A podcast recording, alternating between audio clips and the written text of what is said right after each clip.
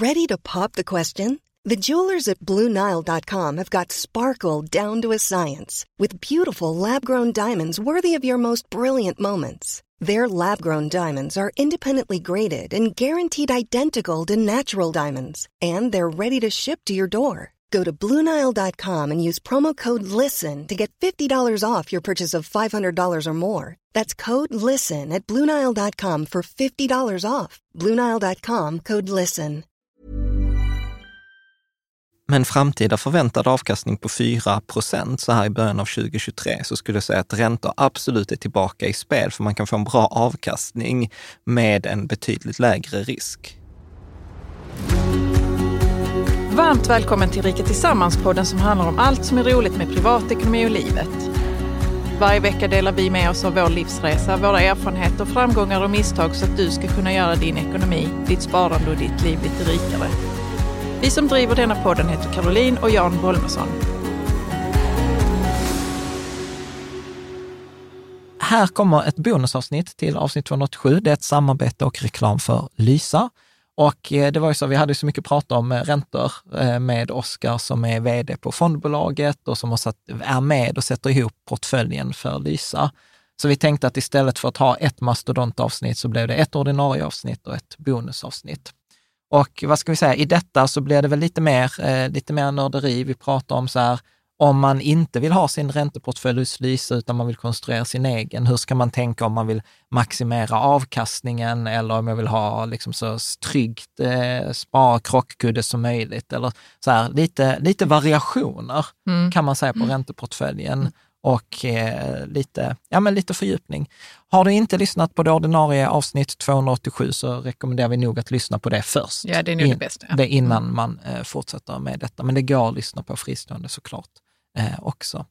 Eh, precis som vanligt är det viktigt att säga ett, vi har investerat våra egna pengar i Lysa. Eh, vi har, detta är liksom ett samarbete och så vi är inte opartiska. Vi gillar Lysa och har haft eh, våra pengar hos dem länge. Och när vi pratar om investeringar, viktigt att komma ihåg, det finns inga garantier. Pengar kan liksom, räntor kan gå upp, de kan gå ner, man kan tjäna pengar, man kan förlora pengar. I värsta fall kan man förlora liksom hela insatta beloppet och såklart historisk avkastning är inte en garanti för framtida avkastning. Så att det är viktigt att man har det med sig. Och sen har vi såklart också så sponsrad länk i, i beskrivningen om man gillar Lysa. Men jag tänker det är väl inte så mycket mer vi ska säga? Nej. Något? Nej, då Kör tänker på. jag att då släpper vi på Oskar. Varmt välkommen tillbaka, Oskar Björklund. Du är ju vd på Lysas fondbolag. Eh, du har jobbat på iSettle, Brummer Partners, eh, civilingenjör, ekonomiexamen också och nu är du ansvarig för Lysas eh, portföljer. Så varmt välkommen tillbaka. Stort tack, jättekul att vara här. Ja. Du, jag tänker så här, vi hoppar rakt in i det, för detta är ju liksom, vi har ju haft ett avsnitt innan där vi har pratat lite mer generellt. Men om vi tar en fråga från eh, Fredrik Rydin. Då skriver han så här, eh, vore intressant att höra vad Oskar tycker att man kan räkna med en förväntad avkastning från eh, räntedelen i en Lysa-portfölj. Liksom, hur kan man, för att jag tror historiskt har ni väl sagt så här, jag räknar 0,51 procent, men sen har vi ju liksom räntorna ökat ganska mycket senaste året. Ja, men exakt. Och, och jag tror att över långa tidsperioder så ska man förvänta sig någonstans mellan 1 och 3 procent från räntedelen i en portfölj. Och sen, sen, kan man, sen kommer det såklart variera över tid.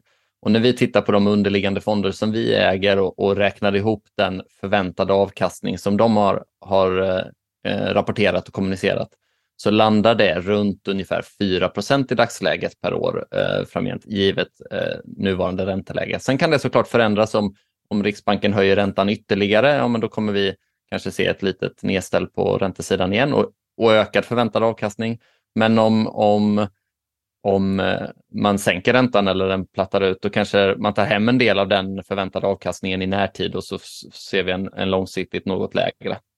Men någonstans mellan eh, runt 4 procent eh, skulle jag, skulle jag säga i dagsläget för våra ränteportföljer. Då. hur skulle du säga att den ligger för, för aktier? Ligger den fortfarande, ska man kunna räkna på 6, 7, 8 procent? Långsiktigt så har man ju räknat med någonstans 68 procent för aktier för en global aktieportfölj och det, det, finns väl ingenting som fundamentalt har förändrats i de antagandena, antagandena utan, utan jag skulle säga att det, det ligger fortsatt på ungefär samma nivå. Mm. Sen, sen, kan det ju på samma sätt där variera kraftigt. Jag, jag såg bilder från Fondbolagens förening igår som, som visar att svenska marknaden har gått allt mellan plus någonstans runt 70 procent och minus någonstans runt 40 procent av ett enskilt år. Men, men snittet ligger, ligger ja, i, i deras siffror då något högre, då, runt 10 procent för svenska marknaden, men ja. på, på långa tidsserier. Men, men där såg vi också, vi pratade om det lite kort igår, att, eh, hur, för det var ju fondbolagens föreningsrapport, för de är så här till branschorganisation. Hur, hur var siffrorna för 2022? Inflöden, var det, var det inflöden eller utflöden? Men det var totalt sett inflöden på ett antal miljarder för fondmarknaden. Men, mm. men det är inklusive PPM och PPM står för en rätt stor andel av dem. Så exklusive PPM så har, har det inte varit eh, lika positivt då, utan de har sett utflöden över året. Eh, men där måste man ge en eloge till, till Lysas kunder för vi har eh, tvärt branschen då sett inflöden kontinuerligt under, under 2022. Så, så, så det verkar som att eh, de som sparar långsiktigt med, med Lysa fortsätter sitt månadssparande, vilket vi är oerhört glada för och det är ett jätteförtroende vi har fått från våra kunder. Mm. Annars brukar jag normalt säga så här att när man kollar på de här fondbolagens föreningsgrafer så är de så här perfekt negativ korrelation med hur marknaden går. Så när marknaden går ner, då tar man ut pengar. Eh, istället mm. för att liksom köpa billigt och sen sälja när det har gått upp så är det precis liksom så här tvärtom. Men ja. det är ju en, det är en, annan, det är en annan grej. Ska vi, ta, ska vi ta nästa fråga här från, ska du läsa här från Harvest? Harvest. Hur ser Oskar på skatteeffekten av att ha räntefonder på ISK som Lysa har? Ställer inte det väldigt höga krav på att räntorna avkastar högre än 2 eller 3 procent per år?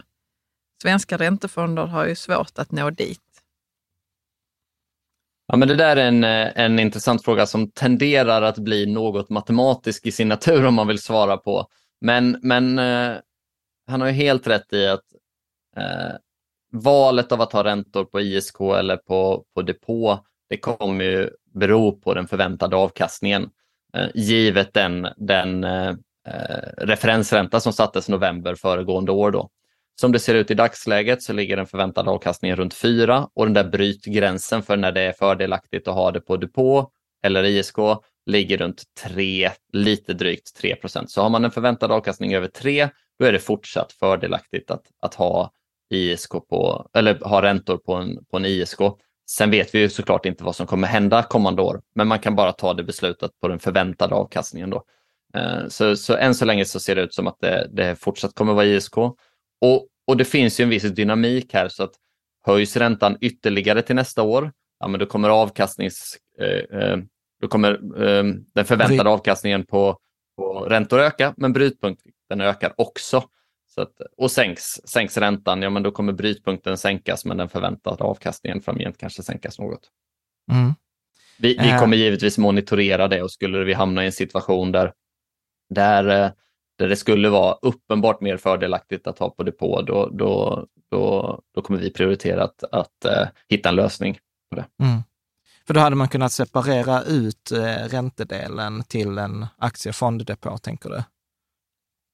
Det skulle som... säkert kunna vara en av de eh, potentiella åtgärderna man skulle kunna göra. Man, man skulle kunna titta på kompen- eh, hur, hur räntedelen är komponerad. Finns det saker man kan göra där? Det finns eh, flera saker man skulle kunna titta på, men, men, men i dagsläget så ser det ut som att ISK fortfarande är rätt, rätt skal, så att säga.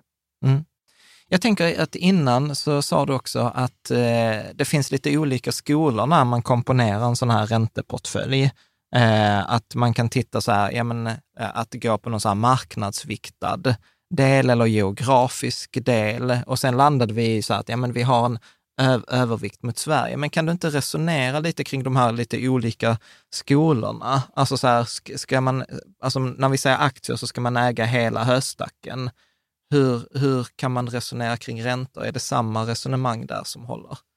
Jag, jag tycker inte, det finns komponenter av det resonemanget som håller. Och sen ja. i andra delar så håller det inte alls. Eh, ett, ett, exempel på där det inte håller eh, är ju det här med att på, på aktiesidan så är det väldigt lätt att säga att desto större bolag, desto större vikt. Vi marknadsviktar. Eh, på räntesidan så känns det inte fullt så naturligt att säga att desto mer skuld, desto större vikt ska den ha i vår portfölj. För det betyder att jätteskuldsatta bolag kan få en stor vikt, men det är inte nödvändigtvis de som allra bäst får betala tillbaka sin, sin, sin, eh, sin skuld eller sina ränteutbetalningar över tid. Så där måste man tänka lite annorlunda. Men, men det, jag skulle, det jag tänker på när jag ser på den här komponeringen, det är att bryta upp det här återigen i de här två riskslagen som vi pratade om i, i mm. föregående avsnitt. Vi har ränterisk som handlar om eh, Eh, den här alternativkostnaden, om man skulle kunna få bättre ränta på någon annan investering, vilket gör att värdet på, på ens obligation ökar och minskar för att kompensera för det. Och vi har kreditrisk, vilket är risken för, för att det är bolaget eller staten man lånar ut till inte kan betala tillbaka.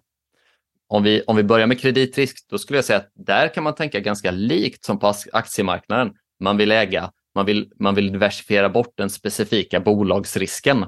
Så man vill äga så, så många bolag som möjligt för att få en bred exponering så man inte är utsatt för något specifikt bolag, någon specifik bransch eller någon specifik region. Sen viktningen blir lite komplex då eftersom man inte enkelt kan vikta det bolag som har mest skuld, utan man får hitta ett annat sätt att vikta. Kan man ha en lika vikt eller man kan titta på andra olika nyckeltal för att, eh, för att säkerställa den vikten. Det här är också en del av det som gör att indexförvaltning för räntor är mycket mer ovanligt, åtminstone på den svenska marknaden. Det finns en del på globalt, men det är inte lika vanligt som för aktiemarknaden, för det är svårare att komponera de här indexerna. Mm.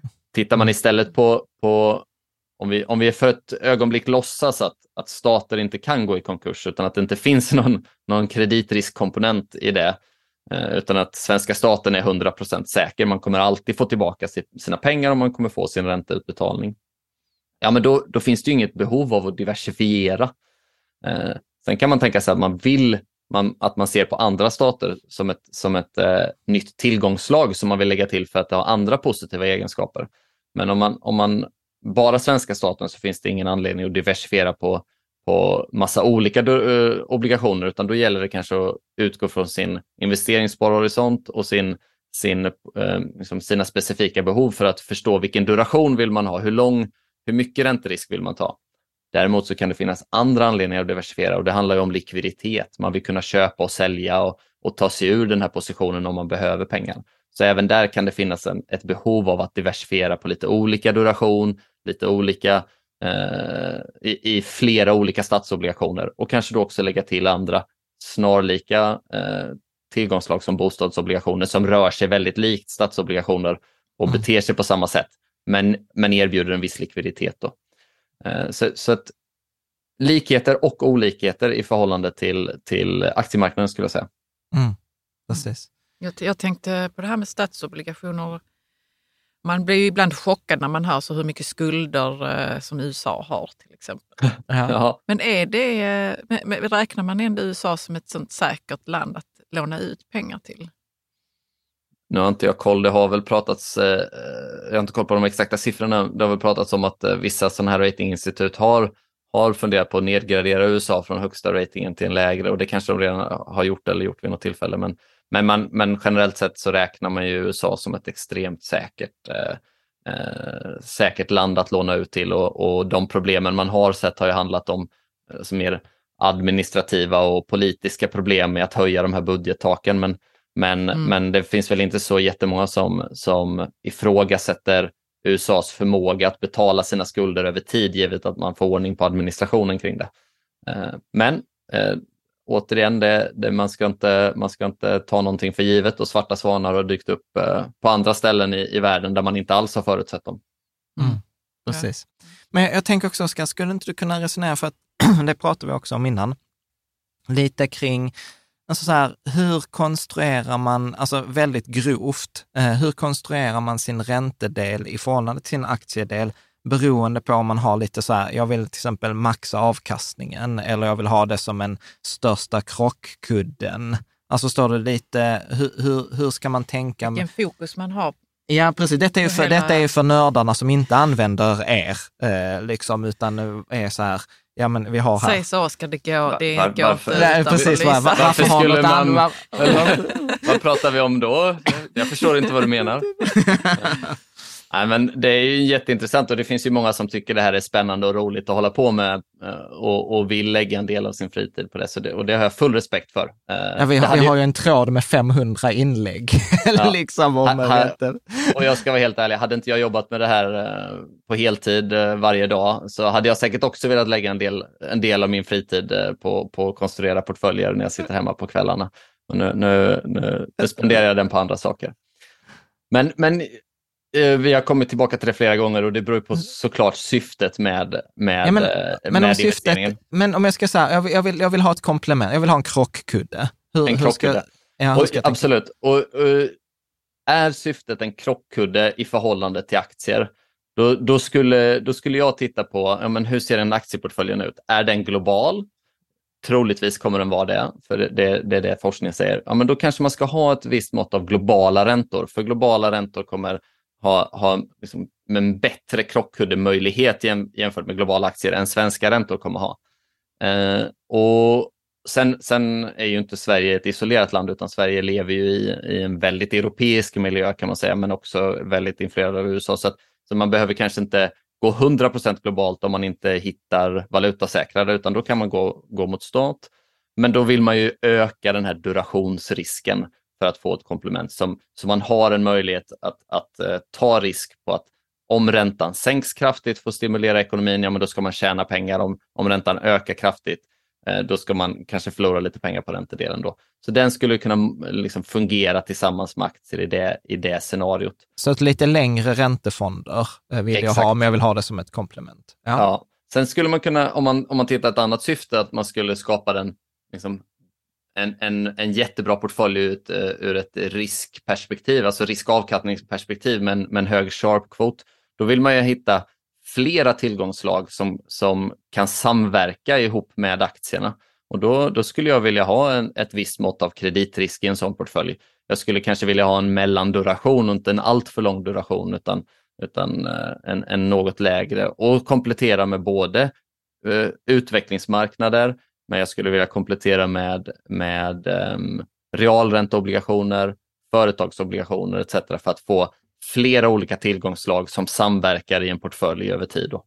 Mm. Eh, sen skulle, skulle man vilja ha en kapitalbevarande strategi, ja men då skulle man vilja gå ner i alla typer av riskslag såklart. Man, man vill inte ta särskilt mycket risk, utan då vill man minimera aktiedelen, man vill minimera ränterisken och man vill minimera kreditrisken och då handlar det om, om korta korta statsobligationer eh, som ändå tenderar att ge någon typ av real avkastning över, över, lång, över långa tider. Då.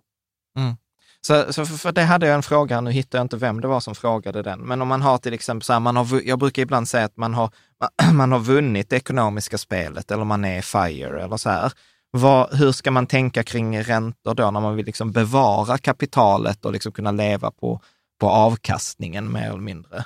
Just det det här är en, en, en jätteintressant fråga och där finns det ju där, där, jag, jag, upplever att, uh, nu, nu är inte jag något vandrande uppslagsverk, men, mm. men lite forskning på området har jag försökt uh, få i mig genom åren och jag upplever att det kanske finns en diskrepans genom, uh, mellan, mellan liksom, den rena akademin och, och hur vissa tänker rent praktiskt på det här. Eh, ekonomiskt, eller i, i akademin brukar man ju prata om en sån här 60-40 portfölj eller att man ska ha kanske övervikta räntor ytterligare lite för att hitta en, en, en balans i den portföljen. Medan många, många som implementerar de här som privatpersoner kanske tittar på en, en allvädersportfölj eller liknande som har en förutsättning, en annan typ av förutsättning att, att generera avkastning i olika miljöer.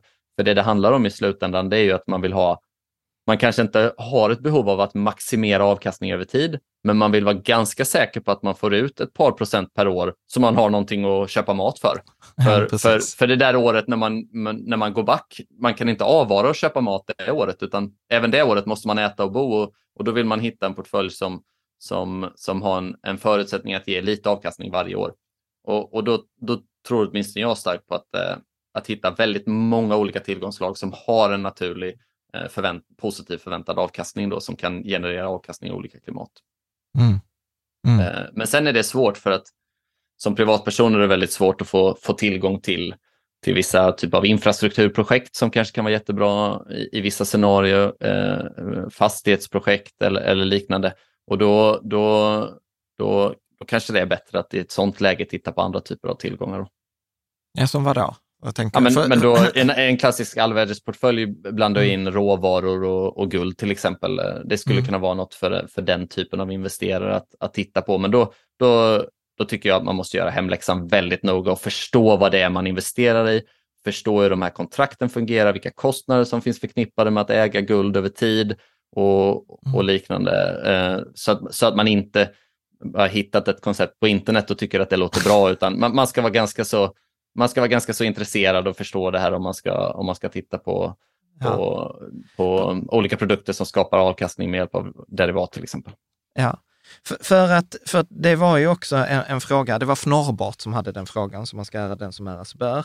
Men eh, det, det, var ju någon också som skrev så här att det, vi har haft denna frågan uppe tidigare, men ni på Lysa har ni ju gjort, gjort ett strategiskt beslut som då säger att vi investerar bara i saker med naturlig avkastning. Så kan du inte bara för den som hör detta första gången säga, okay, men vad, vad är naturlig avkastning och hur skiljer det sig från annat? Jo men absolut, och, och det handlar ju om framförallt då om de breda kategorierna aktier och räntor. Aktier ger ju naturlig avkastning i, det, i den mån att man får eh, utdelningar över tid som aktieägare. Räntor ger naturlig avkastning i den mån att man får ränteutbetalningar över tid som, som ägare av obligationen. Sen finns det ju vissa typer av, ja, men, är man ägare av en fastighet så får man ju hyresinbetalningar över tid, så det, det har ju också en möjlighet att ge naturlig avkastning. På samma sätt skulle en skogsfastighet kunna ge naturlig avkastning för man kan avverka och sälja skog över tid. Och, och, och det, det medför inte eh, kostnader om man kan kapitalisera på det här. Och sen, sen finns det en massa underhållskostnader med en skogsfastighet såklart, men, men tanken är väl att man ska kunna få ut lite mer av, av skogen än det kostar att underhålla den. Däremot eh, tillgångsslag som inte ger en naturlig avkastning. Det typ är guld ju, till exempel. Till exempel guld eller, eller valuta för den delen. Eh, eller andra tillgångar som, som kostar att, eh, att eh, spara över tid. Man kan investera i konst, i vin, i andra tillgångar som, som faktiskt har ett, liksom, historiskt sett har levererat en, en värdeuppgång eh, men, men inte naturligt har ett kassaflöde som tickar in. Eh, och det är ju den typen av, av andra, andra avkastningar då. Mm. Eller andra, andra investeringsobjekt. Ja. Och, och, varför har ni gjort det, det valet? Liksom? Eh, det är dels för att det är tillgången till de här eh, tillgångslagen, alltså att mm. möjligheten att investera i aktier och räntor till en låg kostnad på ett diversifierat sätt och på ett regulatoriskt säkert sätt är väldigt, väldigt bra. Börjar man röra sig utanför de här nu vet jag att man skulle kunna hitta kontrakt just mot guld, där man skulle kunna göra det. Men, men då ska man hitta ett format som skulle passa och vi, vi är inte där att vi känner oss bekväma med det formatet. Men, men ur ett regulatoriskt säkert och kostnadseffektivt eh, investeringssätt så är det aktier och räntor som ger den absolut bästa möjligheten. Eh, eh och, och, skulle det vara så att man någon gång på, på motsvarande sätt skulle kunna investera i fastigheter eller, eller skog eller liknande, då skulle vi såklart vilja titta på det. Men det är i dagsläget mycket, mycket svårare. Alltså jag tänker att det där brukar väl dyka upp i sådana här traddliv-lösningar. Ja. Är det inte så att, inte de, ja, att den brukar, den typen, ja, traditionell, alltså typ så här Skandia Liv. eller Folksam eller så här, så har de så här, ja men du betalar in detta och sen får du inte ut några pengar från om 30 år när du får din mm. pension och då garanterar vi 3 procent eller mm. vi garanterar 2 procents avkastning. Mm. Och, och sen ju... köper de sådana här infrastrukturprojekt eller lånar Exakt. ut. Eh. Och det är väldigt intressant i ett, i ett eh, pensionssammanhang då. För då, då har man ju en komponent som vi inte har. Vi, vi, och det är ju den här inlåsningen, väldigt, väldigt långsiktiga investeringshorisonten. Eh, våra kunder svarar ju på frågan hur lång investeringshorisont, men vi vill ju samtidigt erbjuda friheten till att ta ut pengarna dagen efter om det skulle uppstå en, eh, en skada, ett behov av att göra en renovering eller liknande. Men pensionspengarna kan man ju inte bara säga att nej, nu tänkte jag minsann, nu tänkte jag minsann använda dem, utan de sitter där väldigt länge. Och då har man ju helt andra möjligheter att investera i den här typen av ja, men infrastrukturprojekt eller, eller andra typer av obligationer eller illikvida aktier som inte handlas på börser, eh, som, som också är ett tillgångslag som, som man skulle, skulle vilja ha exponering mot. Mm. Det där tycker jag är lite spännande, för, för att det, det, låter ju nästan som att vi pratar lite mer så här typ som Yale och Stanford, de här endowment-strategier som Swensen, för att där, där de var som så att Ja, typ en av de största skogsägarna i USA är ju tydligen uni universitet. Ja. Mm. Vil vilket man säger, vänta, vänta här, va? Eh, liksom. Men då är det just att de har ju typ ja, men nästan en evig horisont. Och då kan de säga, nej men då köper vi denna skogen för den kommer ge avkastning om hundra år. Och vi kommer ha studenter här om hundra år. Eh, liksom. Ja, det är fint. Mm. Ja, men visst är det så. Så, att, så att har man väldigt lång horisont eh, tillsammans skulle jag vilja säga med, med eh, de har ett något annorlunda syfte med sin investering också. Det är nog att ge en, en viss typ av avkastning varje år, en förutsägbarhet. Det tror jag att de flesta eh, av våra kunder och småsparare, de, de kanske har syftet är snarare att maximera avkastningen över tid. Men, men, men de här, kombinationen av de här två gör, ju, gör det möjligt att investera, investera långsiktigt. Sen ska man, eh, man, ska inte, man ska inte ta det till sin extrem. Jag vet, eh, jag spenderar ganska mycket tid på Visingsö på somrarna och där var det eh, någon kung som för länge sedan planterade hund, liksom, tusentals ekar för att använda för att bygga skepp av. Det var bara att när ekarna stod klara, så, ja, för flottan, när ekarna stod klara så, så bygg, byggde man skepp av stål. Så, att, så att, eh, ha, man kan göra bort sig om man har för lång... ja, det är en jättefin skog, men Eh, men kanske inte med samma användningsområde som man hade tänkt Tänkte från början. långsiktigt, vad fint alltså. Ja, det var jättebra. Mm. Ja. Men jag, jag, tänker vi tar några så lite korta frågor här från JFB. JFB är liksom en forumprofil som är jätteduktig, men han skriver till exempel så här, Eh, I Sverige kan vi inte köpa statspapper som privatpersoner. I USA får man det, men dock till ett visst maxbelopp. Jag är så här, får vi inte köpa obligationer själva, alltså som privatperson? Det fanns väl de här eh, obligation... Pre, pre, Premieobligationer fanns ju förr i tiden. Ja. Jag eller jag, jag, jag, jag, tror, jag håller med JFB där att vi, det är nog svårt som privatperson åtminstone. Jag tror att man kan det, men jag tror att eh, man måste säkert ha ett minsta kapital och, och de säljs det... ju ofta i block på 100 miljoner eller liknande. Men, men har man 100 miljoner till övers för ränteinvesteringar, då kanske det är aktuellt. Ja. Men, men jag tror vi, vi var inne på det i föregående avsnitt och, och det är ju det att en, ett sparkonto med insättningsgaranti är ju i princip en, en väldigt kort statsobligation. Så i den mån så kan man ju köpa det, köpa det som privatperson i Sverige också. Då. Men, mm. men, men absolut, man kan inte göra det på samma sätt som i USA eller, eller rent köpa en statsobligation från Riksgälden. Mm. Eh, han skriver också så här, jag har ibland svårt att hitta transparent info om duration. Alltså man hittar målsättning, så här, vi ska äga papper om två till åtta år. Men fördelningen på papperna på rating och duration är svårt att hitta. Så frågan så här, tips var man kan titta på, på sådana. Jag äh, håller med. Det är, det är svårt och det, det är någonting som jag vet att alla som förvaltar räntor direkt, alltså köper obligationer, räknar på och håller stenkoll på. Men det finns inga regulatoriska krav på att rapportera den siffran, eh, utan det gör man frivilligt om man är intresserad av det. Och, och de allra mm. flesta eh, fondbolag rapporterar den siffran i sina månadsrapporter. De måste man leta lite på, på hemsidorna för att hitta. Men, men det går oftast att hitta en siffra på månadsbasis för vad den aktuella durationen i portföljen är. Men, men även där finns det undantag med fondbolag som inte publicerar det. Vissa är jätteduktiga och skickar den här datan till Morningstar så man kan mm. se effekt, effektiv duration på Morningstars hemsida. Men, men det, är, det hör inte till vanligheten eftersom eftersom det inte är eh, något som, som alltid efterfrågas. Då. Mm. mm. Men, eh, men ja, det, jag kan bara tipsa om att gå in på fondbolagens hemsida och leta i eventuella månadsrapporter för de som har det. Ja, och ibland så upplever jag också så att man kan ju faktiskt mejla fondförvaltaren.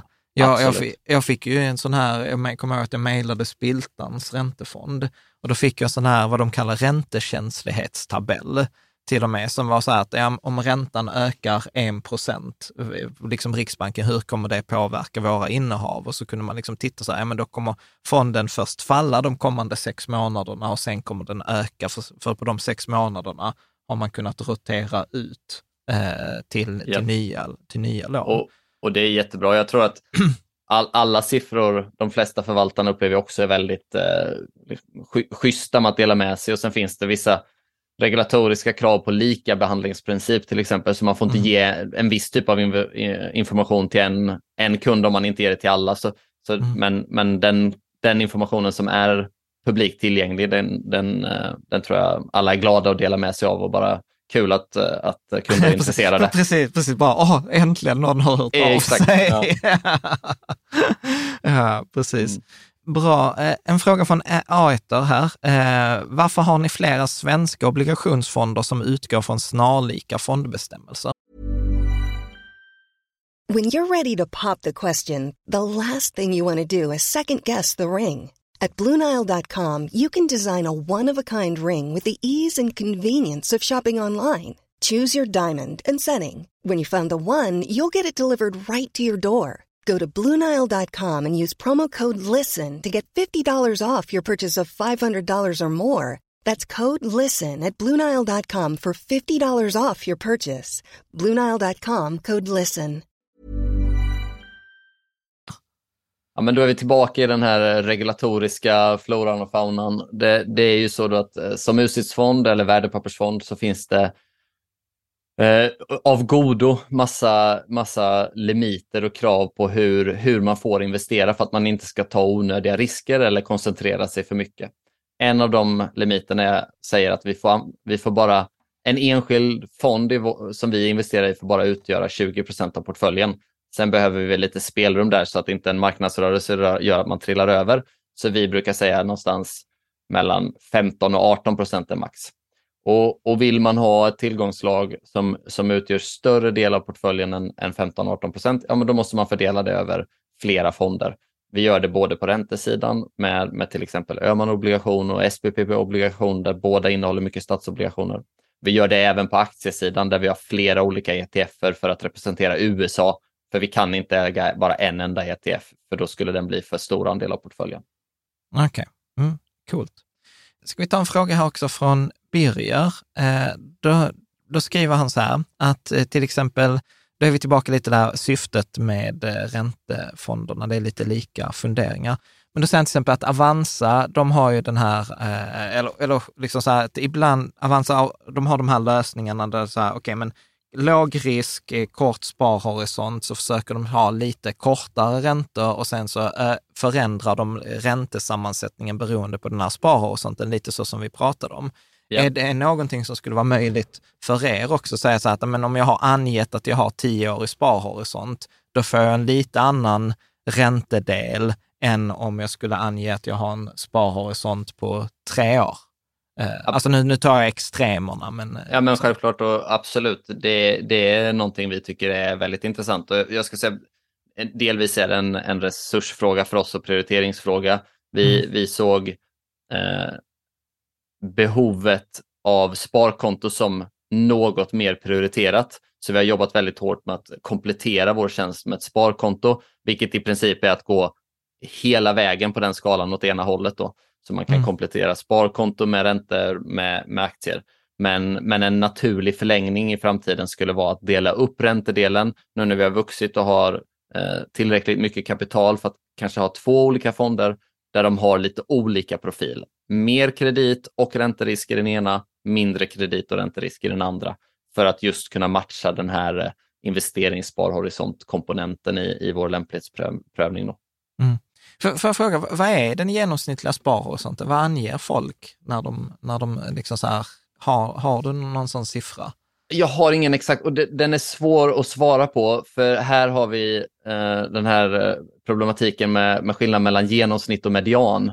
Ja, Eh, så så jag, jag skulle tro att den genomsnittliga är någonstans runt 7-8 år, men det är väldigt, väldigt stor andel av våra kunder som har 100% aktier, vilket indikerar att de har en investeringshorisont över 15 år då, eh, Ja. eller över 10 år åtminstone. Så att, så att eh, den, den är svår att svara på, men jag vet att det är nästan 70% av våra kunder som har, ja, 65% av kunderna har, har 100 100%. har någon, något konto med 100% aktier. Men det finns, eh, sen är det en, en, en skala däremellan. Då. ja, ja. En, du, en lite så här nö- nörd, nördfråga, och så tänker Karo så här, förutom alla andra. Men jag, när, när jag kollade, jag, du brukar ju dela med dig av en Excel eh, ibland som jag, som jag får experimentera med. Och då såg jag att liksom Lysa då 100% aktier förra året, jag tror att resultatet var minus 8, eh, 8 procent. Men om man tog Lysa aktier minus överexponering mot Sverige, Mm. så, var, så var Lysa aktier typ ja, så här, minus 5,5 procent. Och det var ju typ betydligt bättre än, ja men du vet så här, vilken global indexfond eh, som, som helst. Nu kan man ju inte välja bara liksom lysa eh, liksom aktier utan Sverige, men har, liksom så här, hur, hur kom det sig? Men det finns lite olika. Jag tror att ofta så, så jämförs lysa aktier mot, mot eh, det man kallar global indexfond, vilket egentligen är en, en, en fond som investerar i stora bolag på utvecklade marknader. Och, och i år till exempel så gick Latinamerika, var ett av de få regioner som gick, gick mot strömmen och var upp eh, 20 procent i avkastning. Eh, så, så genom att endast ha en liten exponering mot utvecklingsmarknader och mindre bolag så fick vi en, en lite annorlunda avkastningsprofil än, än, eh, än vissa andra globalfonder. Sen eh, en, en, den stora skillnaden mellan eh, som utländska globalfonder och svenska globalfonder har ju att göra med valutan, att, att, att vi får en valutaeffekt när, när svenska kronan har försvagats så kraftigt mot dollarn. Då. Men det är väl de två komponenterna som, som, som bidrar mest. Sen är det jättesvårt när man inte vet vilken fond man jämför med. Det finns ju väldigt många fonder som har något typ av hållbarhetsfilter som, gör, som, som kan ha påverkat positivt eller negativt eh, föregående år.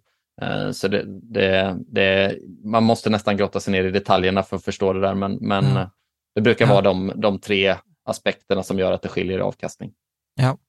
Jag tänker snart att vi också ska runda av. Eh, jag tänker så här, vi har inte pratat så mycket om hållbarhet eller ESG eh, kring, för ni har ju det här eh, extra, jag brukar kalla det så här, extra hållbara alternativet. Hur, hur appliceras det på, liksom, på räntor och hur kan, kan man tänka kring hållbarhet och ESG kring, kring räntor? Jag har nästan längtat eh, efter den här frågan. Vi, vi, jag, mest för att jag insåg att jag missade när vi pratade om olika typer av obligationer så finns det något som heter gröna obligationer.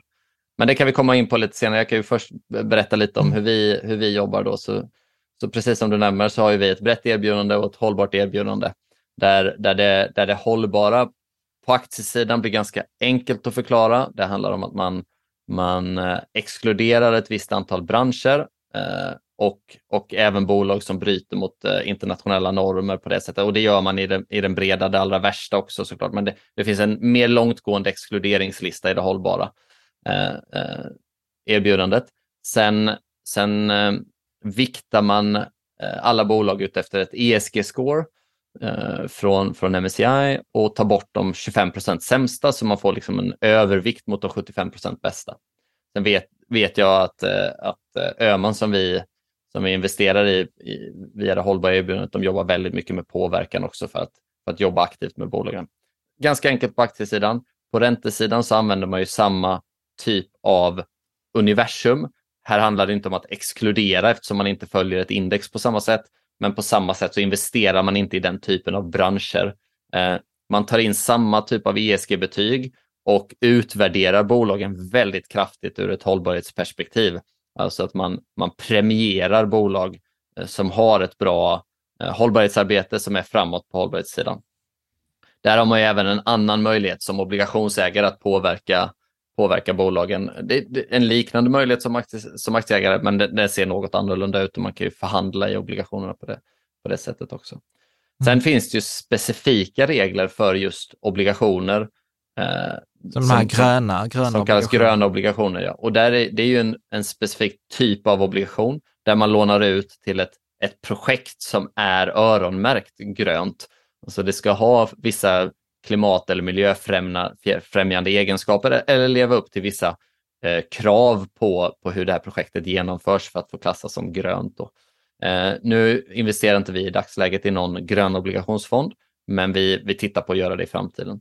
En, en viktig detalj att ha med sig där är att ränterisken i de fonderna är ofta eh, en del högre än i andra fonder och det beror på att den här typen av gröna projekt är något mer långsiktiga än andra typer av investeringar. Så att de tenderar att vara lite längre de här obligationerna och det måste man ha med sig så att vi, vi tittar på att kanske komplettera med en sån i framtiden, men den måste passa in i mixen.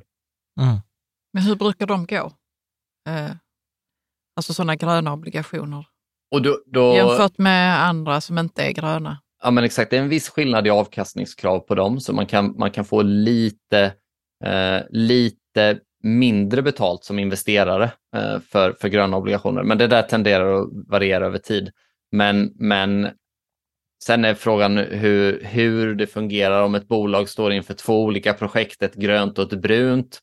Kommer det vara obligationen och kostnaden för att låna som avgör vilket projekt man kommer göra? Kommer man göra båda projekten eller kommer det vara avkastningsprojekt, eh, avkastningspotentialen på respektive projekt som kommer styra vad man väljer att göra? Så, att, mm. så att man ska vara försiktig med, med det. Det finns säkert en risk att det, är, att det är bolag som ändå hade kunnat finansiera sig som ställer ut gröna obligationer och de gör inget aktivt arbete ändå. Så, så, men det kommer mycket, mycket mer regelverk inom det området de kommande åren vilket vi ser fram emot och kommer följa noga för att se om det finns möjligheter att, att hitta jättebra produkter där. Då. Mm. Men jag tänker att i, i, det breda alternativet, om vi tittar på aktierna som, som jag kan bäst, då, då har ni typ 9, mellan 6 och 10 000 bolag, jag tror 8-9 mm. 000 där. Och jag tror att eh, det, det hållbara alternativet drog ner det till typ 900.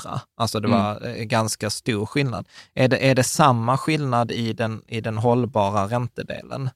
Ja, men exakt. Eh, det är det. Det, det, är på motsvarande sätt och det är nog ännu mer accentuerat i den hållbara delen. Då. Så att, eh, nu är det nog lite mer, det är nog runt 1200 kanske bolag på aktiesidan, men, men på räntesidan det är lite svårare då för, för det, det eh, antal enskilda obligationer kan vara långt fler då eh, på, på räntesidan, men vi försöker, vi, vi försöker räkna på det där ibland för att se lite mer exakt. Men men om man kokar ner det till antalet stater och antalet företag så, så blir det kanske en mer rättvisande bild.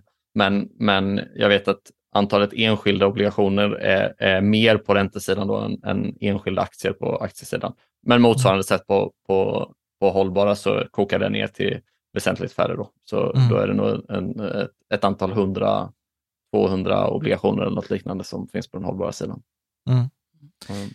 Jag tänker så här, jag har faktiskt, nu har vi gått igenom alla frågorna på, på räntesidan. Jag tänker, är det, ja, jag tänker så här, är det någonting med kring räntor som du tänker så här, detta borde ni ha frågat, eller så här, ni i forumet, så här, ni har pratat om det här, men egentligen borde ni eh, fråga eller tänk, ja, men, tänka. Mm. Ja. Ja, men nu fick jag, fick jag nämna någonting om gröna obligationer som en, som en obligationstyp, så det, det ja. kändes bra. Sen, sen vet jag att det har, eh, jag läste igenom lite, lite olika trådar i forumet och jag tyckte mm. man jag tycker det är viktigt att ha med sig att det är två olika typer av risk. Det är ränterisk och det är kreditrisk. Och jag, jag tycker att eh, sådana här eh, kreditfonder eller företagsobligationer kanske fick lite eh, oförtjänt mycket, mycket negativ fokus i forumet i någon tråd jag läste. Jag tycker absolut att företagsobligationsfonder kan vara intressant. Det är ett, ett, ett tillgångslag som genererar avkastning som inte är perfekt korrelerat med varken aktier eller med, med eh, även om det är ganska likt, eller med, med andra räntefonder. Så det kan vara intressant och jag tycker det är värt att komplettera med. Det vi inte har pratat om är, är sådana här FRN-fonder som mm. är i princip, eh, på svenska marknaden åtminstone, ofta företagsobligationer men som har en flytande eller liksom en, en ränta som, som uppdateras en gång i kvartalet, vilket gör att det blir i princip kreditrisk utan ränterisk, vilket gör det ganska intressant ur det perspektivet. Då, då kan man få det här kreditrisk-tillgångslaget, men man blir inte exponerad mot räntan. Eh, mm. Så, så det har, ni en, såna, har ni sådana i, i Lysa-portföljen? I dagsläget har vi inte det, men vi, vi tittar även på, på det. Då. Vi, vi får in företags, eller tillräckligt med kreditrisk eh, på andra delar, då, så vi har inte bedömt det viktigt. Vi, vi tittar snarare på om det går att eh, öka durationen något. Och den här skulle ju minska durationen väsentligt. Och så att, så att i dagsläget har vi inte det, men det kan komma i en, i en annan konstellation i framtiden. Ja. Du, hur, hur, ser det ut på kontoret så när ni har de här diskussionerna? Alltså är det så här, sitter ni så här med Excel och så är det någon som kommer på så här, ah, du vet, här kommer jag på, nu, nu skulle vi kunna få in detta. Eller ha, alltså så här, för jag vet att ni har ju haft så här externa rådgivare, ni har haft så här professorer och som har varit med. Hur, hur, ser, alltså så här, beskriv, hur ser det ut bakom kulisserna? Liksom? Ja, är det post-it-lappar på väggen? ja, ja, men jag tror det, du är ganska spot on. Vi har, vi har ett antal whiteboards där vi ritar och försöker försöker visualisera, men mycket av arbetet sker ju i, i Excel där vi sitter och, och jämför olika typer av fonder och, och sätter upp olika typer av portföljer och scenarier. Vad, vad händer om man lägger till den här eller tar bort den här komponenten? Hur skulle den här fonden komplettera? Vad är det för kostnader förknippat med det? Både löpande kostnader men också engångskostnader om man skulle göra stora transaktioner och sådär. Så det är precis, precis så ganska, ganska, ibland ganska livliga diskussioner och jag har tur att jag, jag har kollegor som precis som jag gillar att sitta på kontoret så vi är ofta inne och, och snackar med varandra om de här grejerna. Vad, vad har varit den mest livliga diskussionen? Det är så här Eh, guld. Nej, där har, vi, där har vi konsensus skulle jag säga. Ja, det kan man tänka sig. där, har vi, där har vi konsensus. Men, eh, men eh, till exempel emerging market debt, eh, alltså att investera en liten del i, i, i utvecklingsmarknader då på räntesidan eller gröna obligationer. Eh, Så, så har vi lite, lite olika tankar och åsikter som, som vädras och funderas på.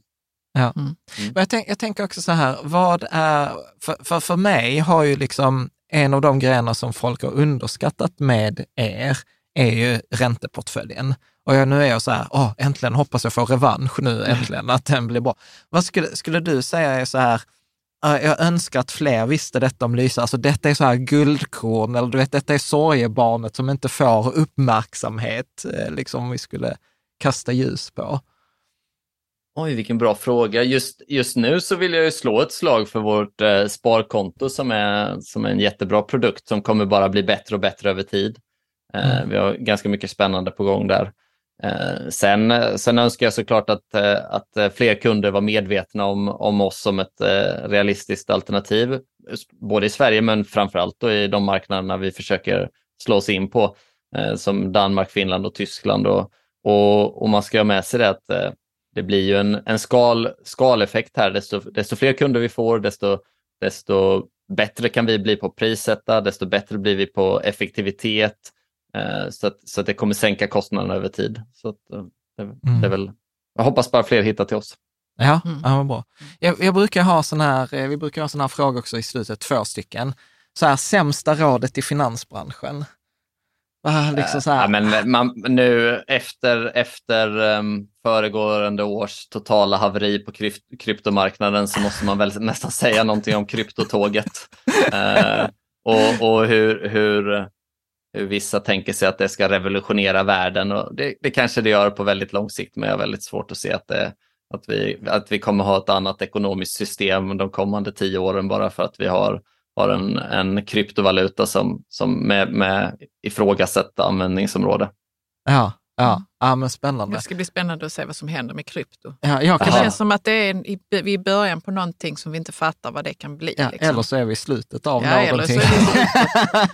Men din Nej, men- andra fråga då? Va? Nej, men jag, jag tycker, nej, men för jag, Jag har bara- också en fråga till Ja, ja, Oskar. men, men jag tänkte jag skulle bara kommentera detta med Mm. krypto. Att jag tycker, alltså så här, vi har haft massor av fel i de här 15 åren i podden, men, men krypto var, jag är, jag är så nöjd att vi 2017 var så här, nej, detta ska man Vi hålla sig det. Detta ska man Mm. hålla sig ifrån. Och vet du vad, jag vet inte, jag vet inte om det, jag har nog inte skickat den till dig Oskar, men eh, jag gjorde en jämförelse. Jag har, vi har en tråd på forumet som heter så här, missade du XXX för fem år sedan? Liksom, och det är roligt, en global fond, alltså man kan inte jämföra mer med krypto, det är inte på något så enkelt sätt. Men hade man Länsförsäkringar Global, köpte den 2018 eller köpte krypto, ja då var Länsförsäkringar Global förbi. Och då Ja. hade man liksom den här klassiska, jättemycket upp på krypto och jättemycket eh, Ja. ner. Liksom. Ja, och det ser man ju liksom. Det är återkommande. Det var Fingerprint för några år sedan och det har funnits, funnits andra delar. där Northland exakt- Resources Ja, och liksom 2010. Nej, men det, det, och det är, men så här, jag, jag vet inte, Oskar, ibland så tänker jag så här, börjar vi bli gubbar som är så här, liksom så här, vet, så här gammal ändå äldst? eh, Att, eh, liksom, Nej, jag tror inte det har, men man har varit med ett tag. man har varit med ett tag och så ser man liksom Man så är här, inte ja, men- gubbig för dem. nej, det är sant. Nej. Vad skulle Men- du säga? Ja, Ja. förlåt, eller kör, kör Oskar. Nej, men det kanske är så att man, man eh, har eh, ambitionsnivån har förändrats något och, och de här eh, drömmarna som, som tusenprocentiga avkastningar kan, kan tendera att, att skapa, de, de kanske de biter inte så hårt efter, efter man varit med ett par år och sett, sett riskerna med det. Ja, men precis. Ja, nej, men precis. Men jag, jag eh, tänkte att jag skulle vilja fråga någon i finansbranschen det här. För vi brukar prata om att vi har Lysa som, som bas. Liksom. Mm. Ja. Och sen så har vi då eh, en, en lekhink, Ja. en lärohink, där man, där man kan sätta så alternativa investeringar om man vill lära sig om någonting så. Har du, har du själv eh, det, Oskar? Alternativa investeringar som du är så, men det här tycker jag är jättekul. Så, kaffe eller konst eller fastigheter eller skog eller någonting sånt där. Eller känner du någon som, har du kollegor som resonerar på det viset också? Ja. Nu, ja, det, det, har jag säkert. Nu kan jag inte hänga ut någon kollega sådär, men, men jag har, har eh, vänner som, som tänker precis så, fast eh, inom, inom vin, som investerar en del inom vin och tycker det är, är jätteroligt. Men, men jag tror att då är det ett, mer ett intresse än, än en investering. Jag, jag tycker komponenter med lekhinken och finansiellt lärande är ett fantastiskt koncept eh, och, och jag tycker ni är helt rätt som, som pushar för det. Eh, jag, jag har själv inte det eh, i min portfölj, för jag tycker att jag spenderar så mycket tid på, dag, på dagarna med att, med att, jobba med det här. Men jag är helt övertygad om att jag hade haft det eh, om, jag inte, om, jag, om jag inte hade jobbat på Lysa utan jobbat med något annat. Eh, och jag tror också att när jag har en åttaårig son, då, när, när det är dags för honom att börja tänka lite mer på investeringar och, och sparande, då tror jag att det kan komma ett, en komponent med lekhink för att förstå olika bolag, för att sätta sig in i hur ett bolag genererar aktieägarvärde eller intäkter och så där. Så jag tycker det är ett jättebra koncept att ha en liten del, om det är 5 eller 10 procent av portföljen, men någonting man känner att man kan undvara och, och använda det för att lära sig. Eh, mm. Men exakt så har vi för vår 11-åring. Ja. Det är bara ja. lekhink för hennes del. Ja. Eh, hela hennes innehav är lekhink. Ja. Men hon, hon, har ju också fått eh, så här, hon hade ju bara tillväxtaktier. Det var ju så mycket Netflix och Amazon och ja. så, att vi har haft, vi har haft, vi, vi har haft bra samtal nu också. Så här, jag så här, okej, titta här, när du tjänade jättemycket pengar så kunde du liksom så här förlora jättemycket pengar. Ja. Så, nu, så nu när vi skulle gå och äta glass så var hon så här, ja om du betalar, för om jag ska betala så jag har förlorat på aktier, tyckte hon. ja. Så att, ja men det är roligt. Ja men snyggt. Har du läst någon bra bok på sistone, sen sist? Ja, ni fick ju vinka här lite till min kollega Noak innan vi satte igång och, och han tipsade om en bok som hette Purple Cow som handlar om eh, liksom en ny era av marknadsföring. Nu den, har den ett par år på nacken. Den är en, en kort lättläst eh, bok som jag tyckte var väldigt givande. Den handlar om någonting som jag spenderar väldigt lite tid att tänka på dagligdags, men jag lärde mig mycket genom att läsa den. Ja, mm. var det inte den som Patrik delade ut som så obligatorisk läsning hos ja, er? Ja, på rekommendation från Noak så, så blev, det, blev, det bo, blev det bokklubb på jobbet och det, det, var, det var superbra. Det var där folk gick så här, tack, tack Noak, tack. Ja, men eh, Oskar, ett fantastiskt stort tack för att ditt tålamod och hänga här med oss i, ja. i två timmar eh, liksom, och svara på liksom, så här, räntor. Tänk Caroline, tänk att du, man kan prata två timmar om räntor och egentligen ja. känna så här, gud, alltså det finns mer att prata om. Absolut. Eh, men jag vet ju också att eh, har man frågor specifikt så kan man ju höra av sig till er, eh, till er kundtjänst. Och liksom så jag vet att ni till och med svarar både på Facebook och i vårt Absolut. forum och på andra ställen. Så att det är bara frågor. Och jag hoppas verkligen att du som har lyssnat också får så här, gud, så här, men räntor är ganska bra. Det är en del i en portfölj och att liksom ha, du som har lyssnat så här, så bara, jag bara fan, klappa dig själv på axeln och vet så här, fan jag har en bra ränteportfölj. Ja, så att, absolut. Så att Oskar, jag tror att både, jag säger både för oss som har mycket av våra pengar hos er och för alla andra, tack för det jobbet ni gör. Tack för att ni delar med er. Tack för att ni är transparenta och bidrar till att göra oss andra klokare också. Ja, men då får jag säga tack, tack för förtroendet och, och, det har varit jätteroligt att vara med och jag hoppas att jag blir, blir bjuden och, och återkomma någon gång. Absolut, absolut. Tack så mycket. Tack, tack. tack.